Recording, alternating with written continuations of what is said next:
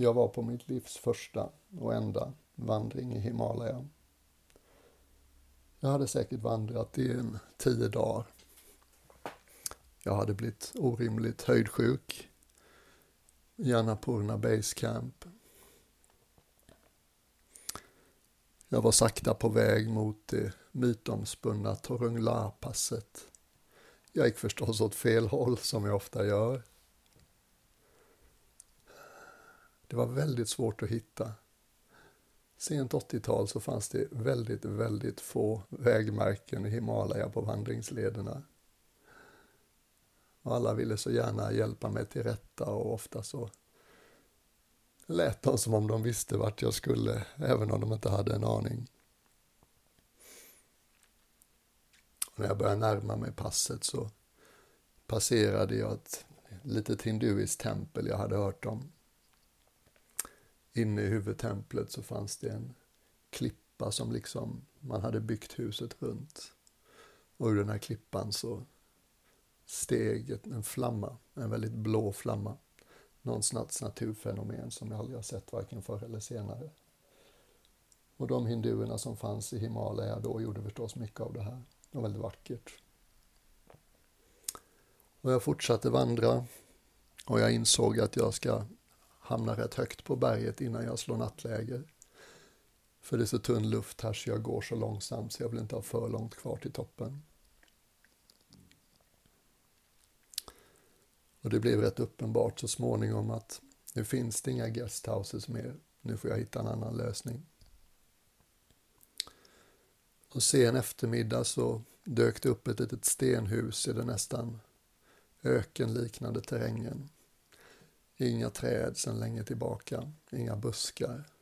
Lite lava på stenarna var liksom det mest klorofyllfyllda som fanns omkring mig. Och det var lite liv i det här lilla stenhuset. Jag kom fram och upptäckte att där hade ett gäng sharpas slått nattläger. De skulle hjälpa en syda, sydkoreansk expedition och ta sig upp på någon topp en tid senare. Det var två kvinnor som roddade i det här lilla stenhuset. Det var mörkt där inne, det fanns förstås ingen elektricitet. och som så ofta så lagade kvinnorna sin mat och maten till oss alla. Över en liten typ fotogen eller liksom det luktade fränt. Det skojades friskt, en avslappnad stämning. Sharpa-gruppens ledare hette Johnny Lama. true, true fact. Han var från Katmandu, han hade ett eget rockband och han var den enda där som talade engelska. Han var väldigt härlig. Och han översatte en del av samtalen som pågick där inne i det rökiga, mörka rummet. Och jag förstod att det var en så att säga väldigt jordig, en väldigt jordig, eh, liksom, de slängde käft. Mm. Och det fanns ju inga sängar i rummet utan det fanns en slags knähög förhöjning längs med tre av de fyra väggarna där inne. Jag kommer ihåg när Johnny Lama pratade med mig om, ska vi säga, klättringsgrupperna från andra länder som kom dit. Mm. Och jag minns en sak han sa, jag vet inte varför jag minns det, men jag frågade honom liksom om han lade märke till några skillnader mellan klättrare från olika länder. Och så sa han, vet du vad, vi kommer överens med nästan alla. Mm. Och så nämnde han två länder som jag väljer att inte nämna nu. Så han sa, folk från de två länderna är de enda vi har svårt för. För de behandlar oss som lägre stående varelser, de ser ner på oss. De eh, tycks uppleva sig som herrefolk och det är förstås obehagligt och de har vi lite svårt för. Men med alla andra länder brukar det gå fint. Det var väldigt mysigt att ligga där så småningom när middagen var överstökad. Det var ju dalbat som vanligt den här linsröran med ris som man ätit till frukost, lunch och middag i bergen. Och vi la oss till rätta liksom, som sardiner längs med väggarna. Skuldra mot, eller axel mot axel.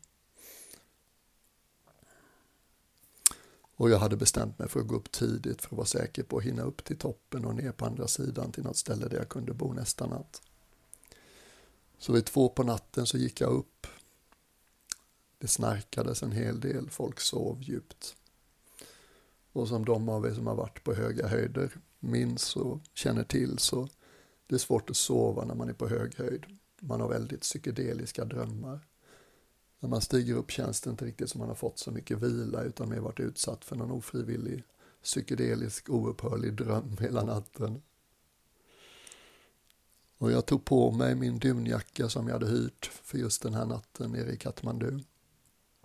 Jag tog fram min billiga ficklampa jag hade köpt i Katmandu innan. Såg till att jag hade nyladdade batterier. Hängde på med min ryggsäck som började kännas som en del av min kropp och gav mig ut i den stilla, verkligen becksvarta natten. Jag hade gått första biten upp dagen innan så jag var lite förberedd på hur stigen skulle te sig den första halvtimmen. Och jag vandrade och la ganska snart märke till att min ficklampa började bli allt svagare. Det var kallt, några minusgrader tror jag. Och sakta men säkert så slocknade min ficklampa. Och jag bytte batterierna och då tändes den en kort stund igen och sen slocknade den igen.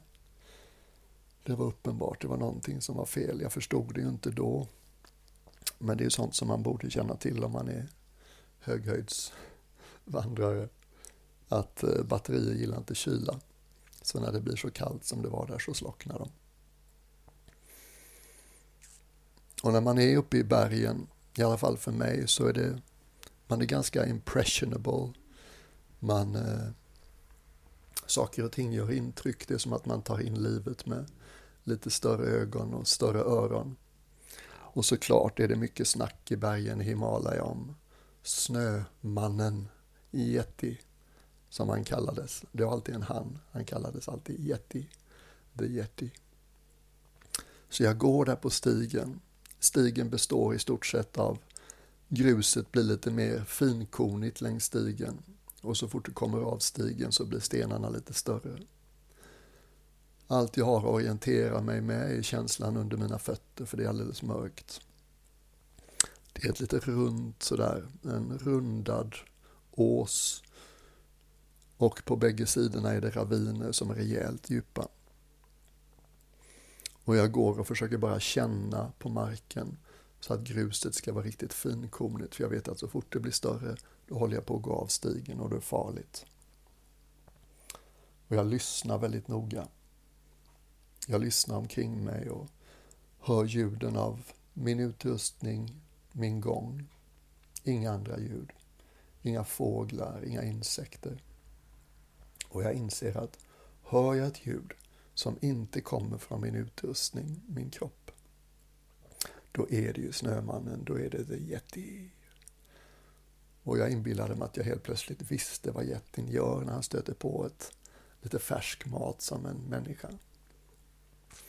Så då var hans jättins plan, tänkte jag, är säkert att knuffa ner mig för stupet på sidorna och vänta till jag är mör och god och sen komma tillbaka och äta upp mig.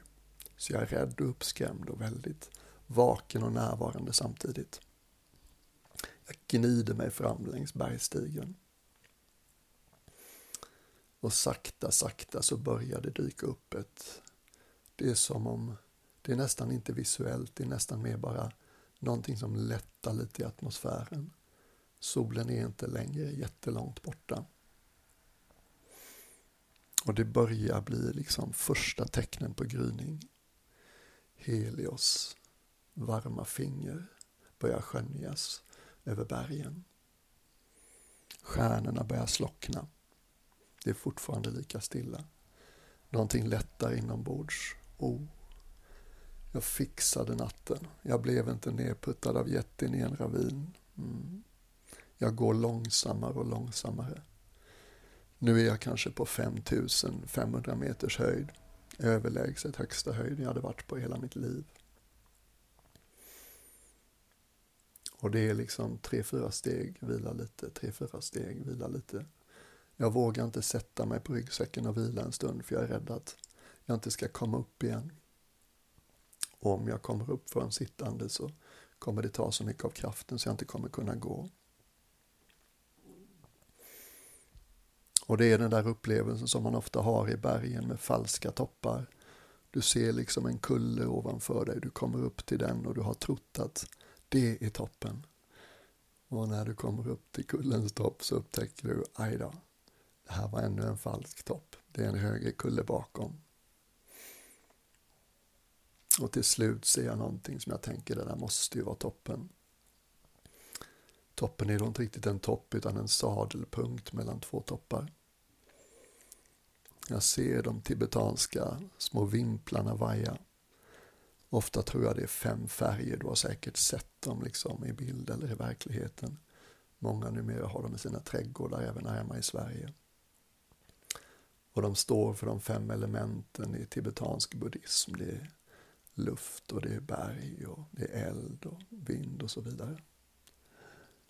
Jag ser de här små stenrösena som man ofta gör i bergen i Himalaya för att visa att man har varit där, en slags pilgrimssymbol. Och jag kommer till slut upp till toppen lagom för att se solen gå upp över bergstopparna i öster. Det är alldeles stilla.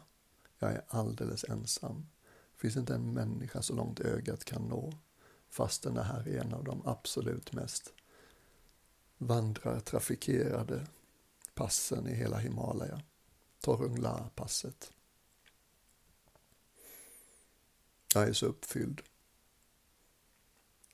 När jag kommer upp dit så vågar jag sätta mig på min ryggsäck en stund för jag vet att jag behöver inte liksom så mycket mer kraft för nu är det nerför.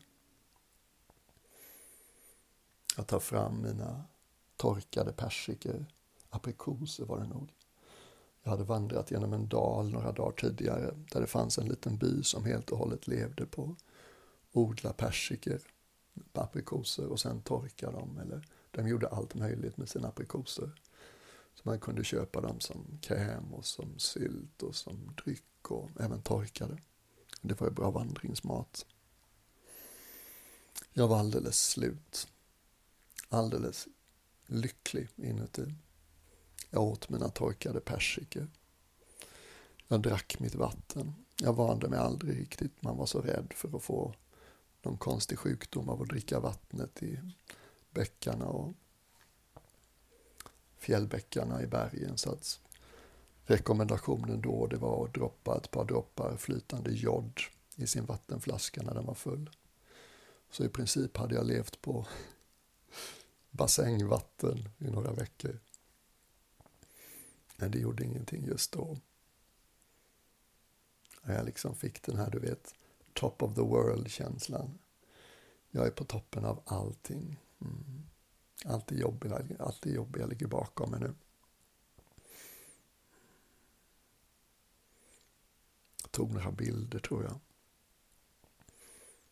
Lyssnade på tystnaden. Försökte ta in liksom det här otroligt stora rummet som bara fanns överallt. Mellan topparna, under himlen. Och så småningom så började rastlösheten krypa lite i mig. Lusten, aptiten på att få se vad som ligger bakom nästa krön. Så jag samlade ihop mig och packade ner mina aprikos, torkade aprikoser och mitt vatten och lyckades ställa mig upp och haka på mig ryggsäcken och så började jag vandra.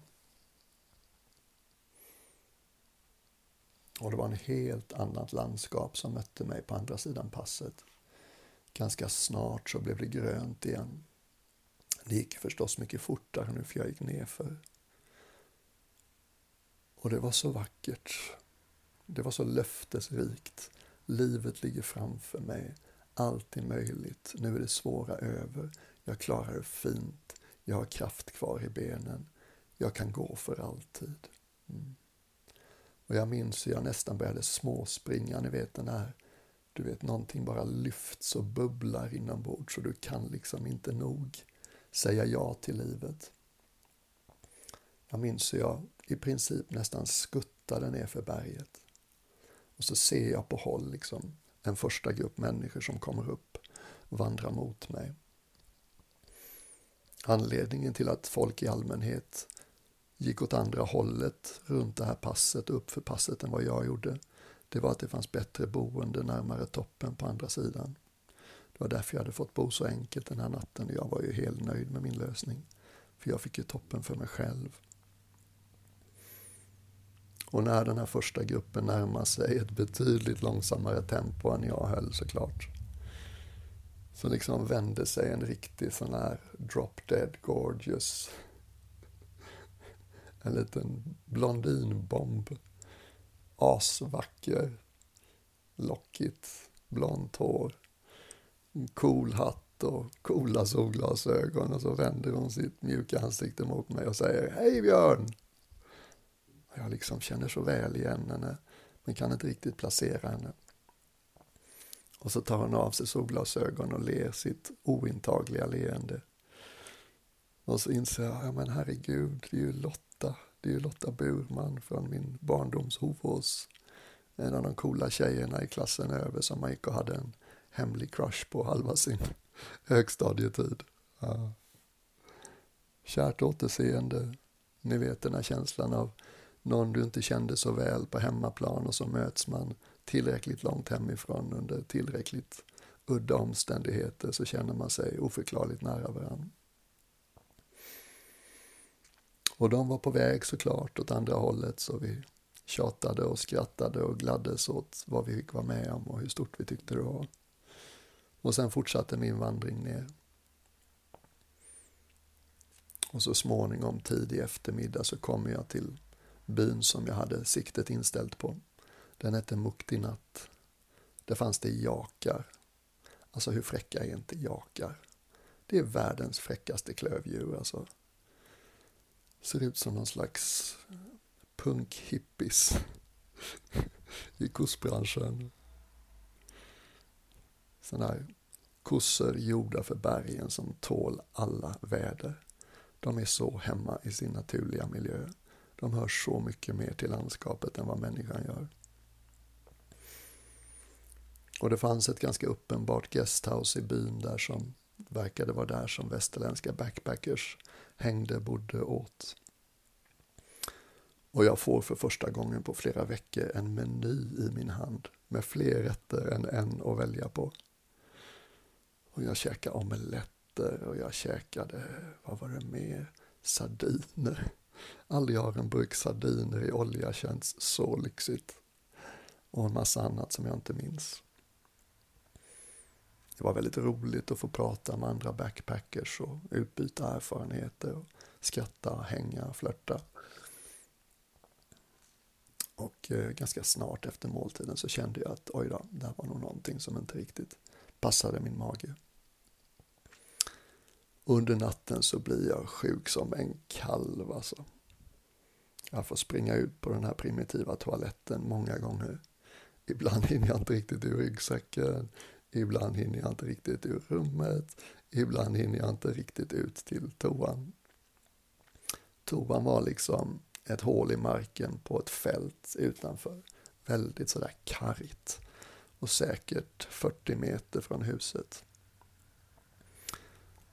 Och den här natten när jag blev så sjuk, den var ju månlös och väldigt mörk den med, men ficklampan funkade för den korta sträckan.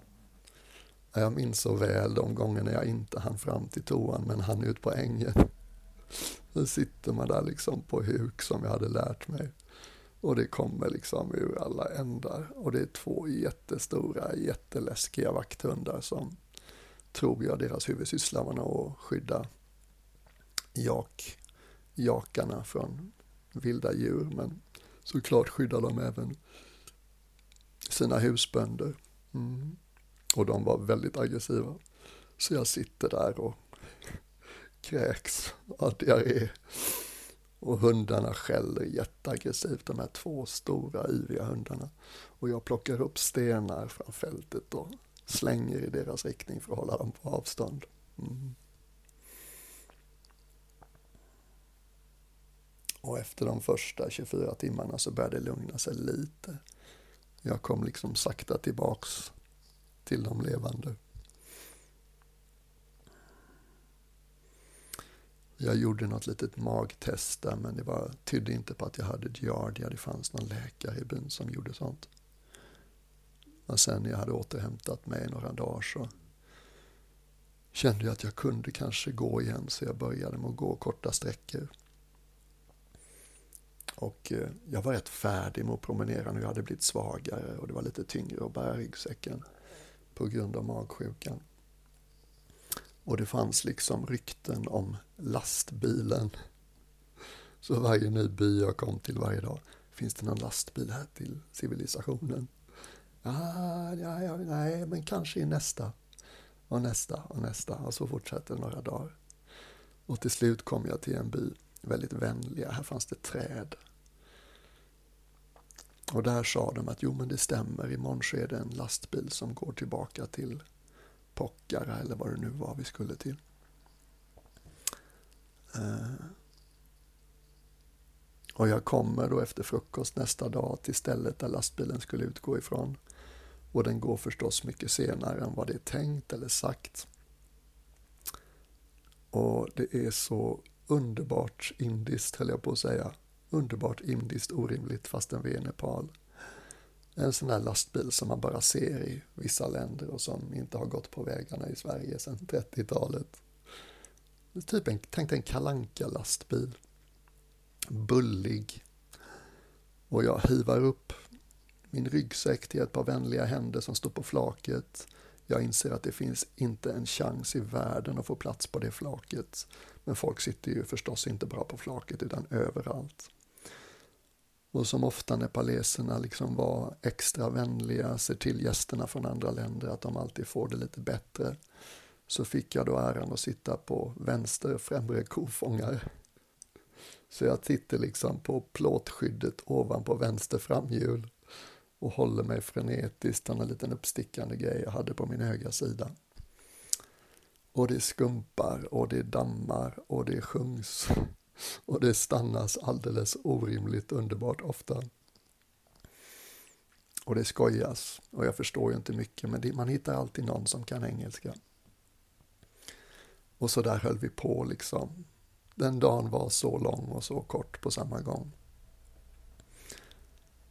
Och till slut var vi framme då, jag minns inte ens var vi var framme, om det var Pockar eller det var någonstans där det fanns ett löfte om en buss nästa dag till Katmandu. Mm. Det var liksom som att jag vetat hela mitt liv att bergen var min lyckoplats. Mm. Platsen där det bubblar lättare inombords. Platsen där mina ögon får sin lyster tillbaka, liksom. Där ögonen kan vila, där själen kan vila. Under, nu är jag lite tillbakablickande, men under den här vandringen så lät jag skägget växa. Jag har inte mycket till skäggväxt, men det som fanns, det lät jag växa. Jag började använda en stav så småningom därför att man upptäckte att speciellt när man går ner för är det jättebra att ha en stav att stötta sig mot för då tar inte knäna lika mycket stryk i nedförsbacken. Och jag hade köpt ett sånt där litet armband med det klassiska tibetansk-buddhistiska mantrat Om Mani Padme Hum och vad det översätts till där eh, sliter sig de buddhistiska skolastikerna i håret fortfarande och läser det traktat om vad Omani Padme Om betyder så gör det det oftast inte mycket klokare. Men en amerikan med ett ovanligt gott sinne för humor för att vara amerikan. Han valde en lite annat sätt att uttala det här magiska mantrat på sex stavelser. Han sa inte Omani Padme Om han sa Oh mommy, take me home. Och vissa dagar kunde det kännas så. Och en dag när jag gick där uppe i bergen så kom jag förbi två unga män i min egen ålder som gick åt andra hållet. Och jag kom där med mitt skägg och min stav och mitt mumlande mantra. Och precis när vi hade mötts och gått förbi varann så sa den ena killen till den andra Was that Moses? Så att eh, jag inser ju sakta om jag ska fortsätta med det här att det kommer ju inte finnas någon knorr på slutet. Men eh, hoppas det funkar som godnattsaga för dig ändå. I just den här sagan så var faktiskt allt sant. Så tack igen för att du har lyssnat.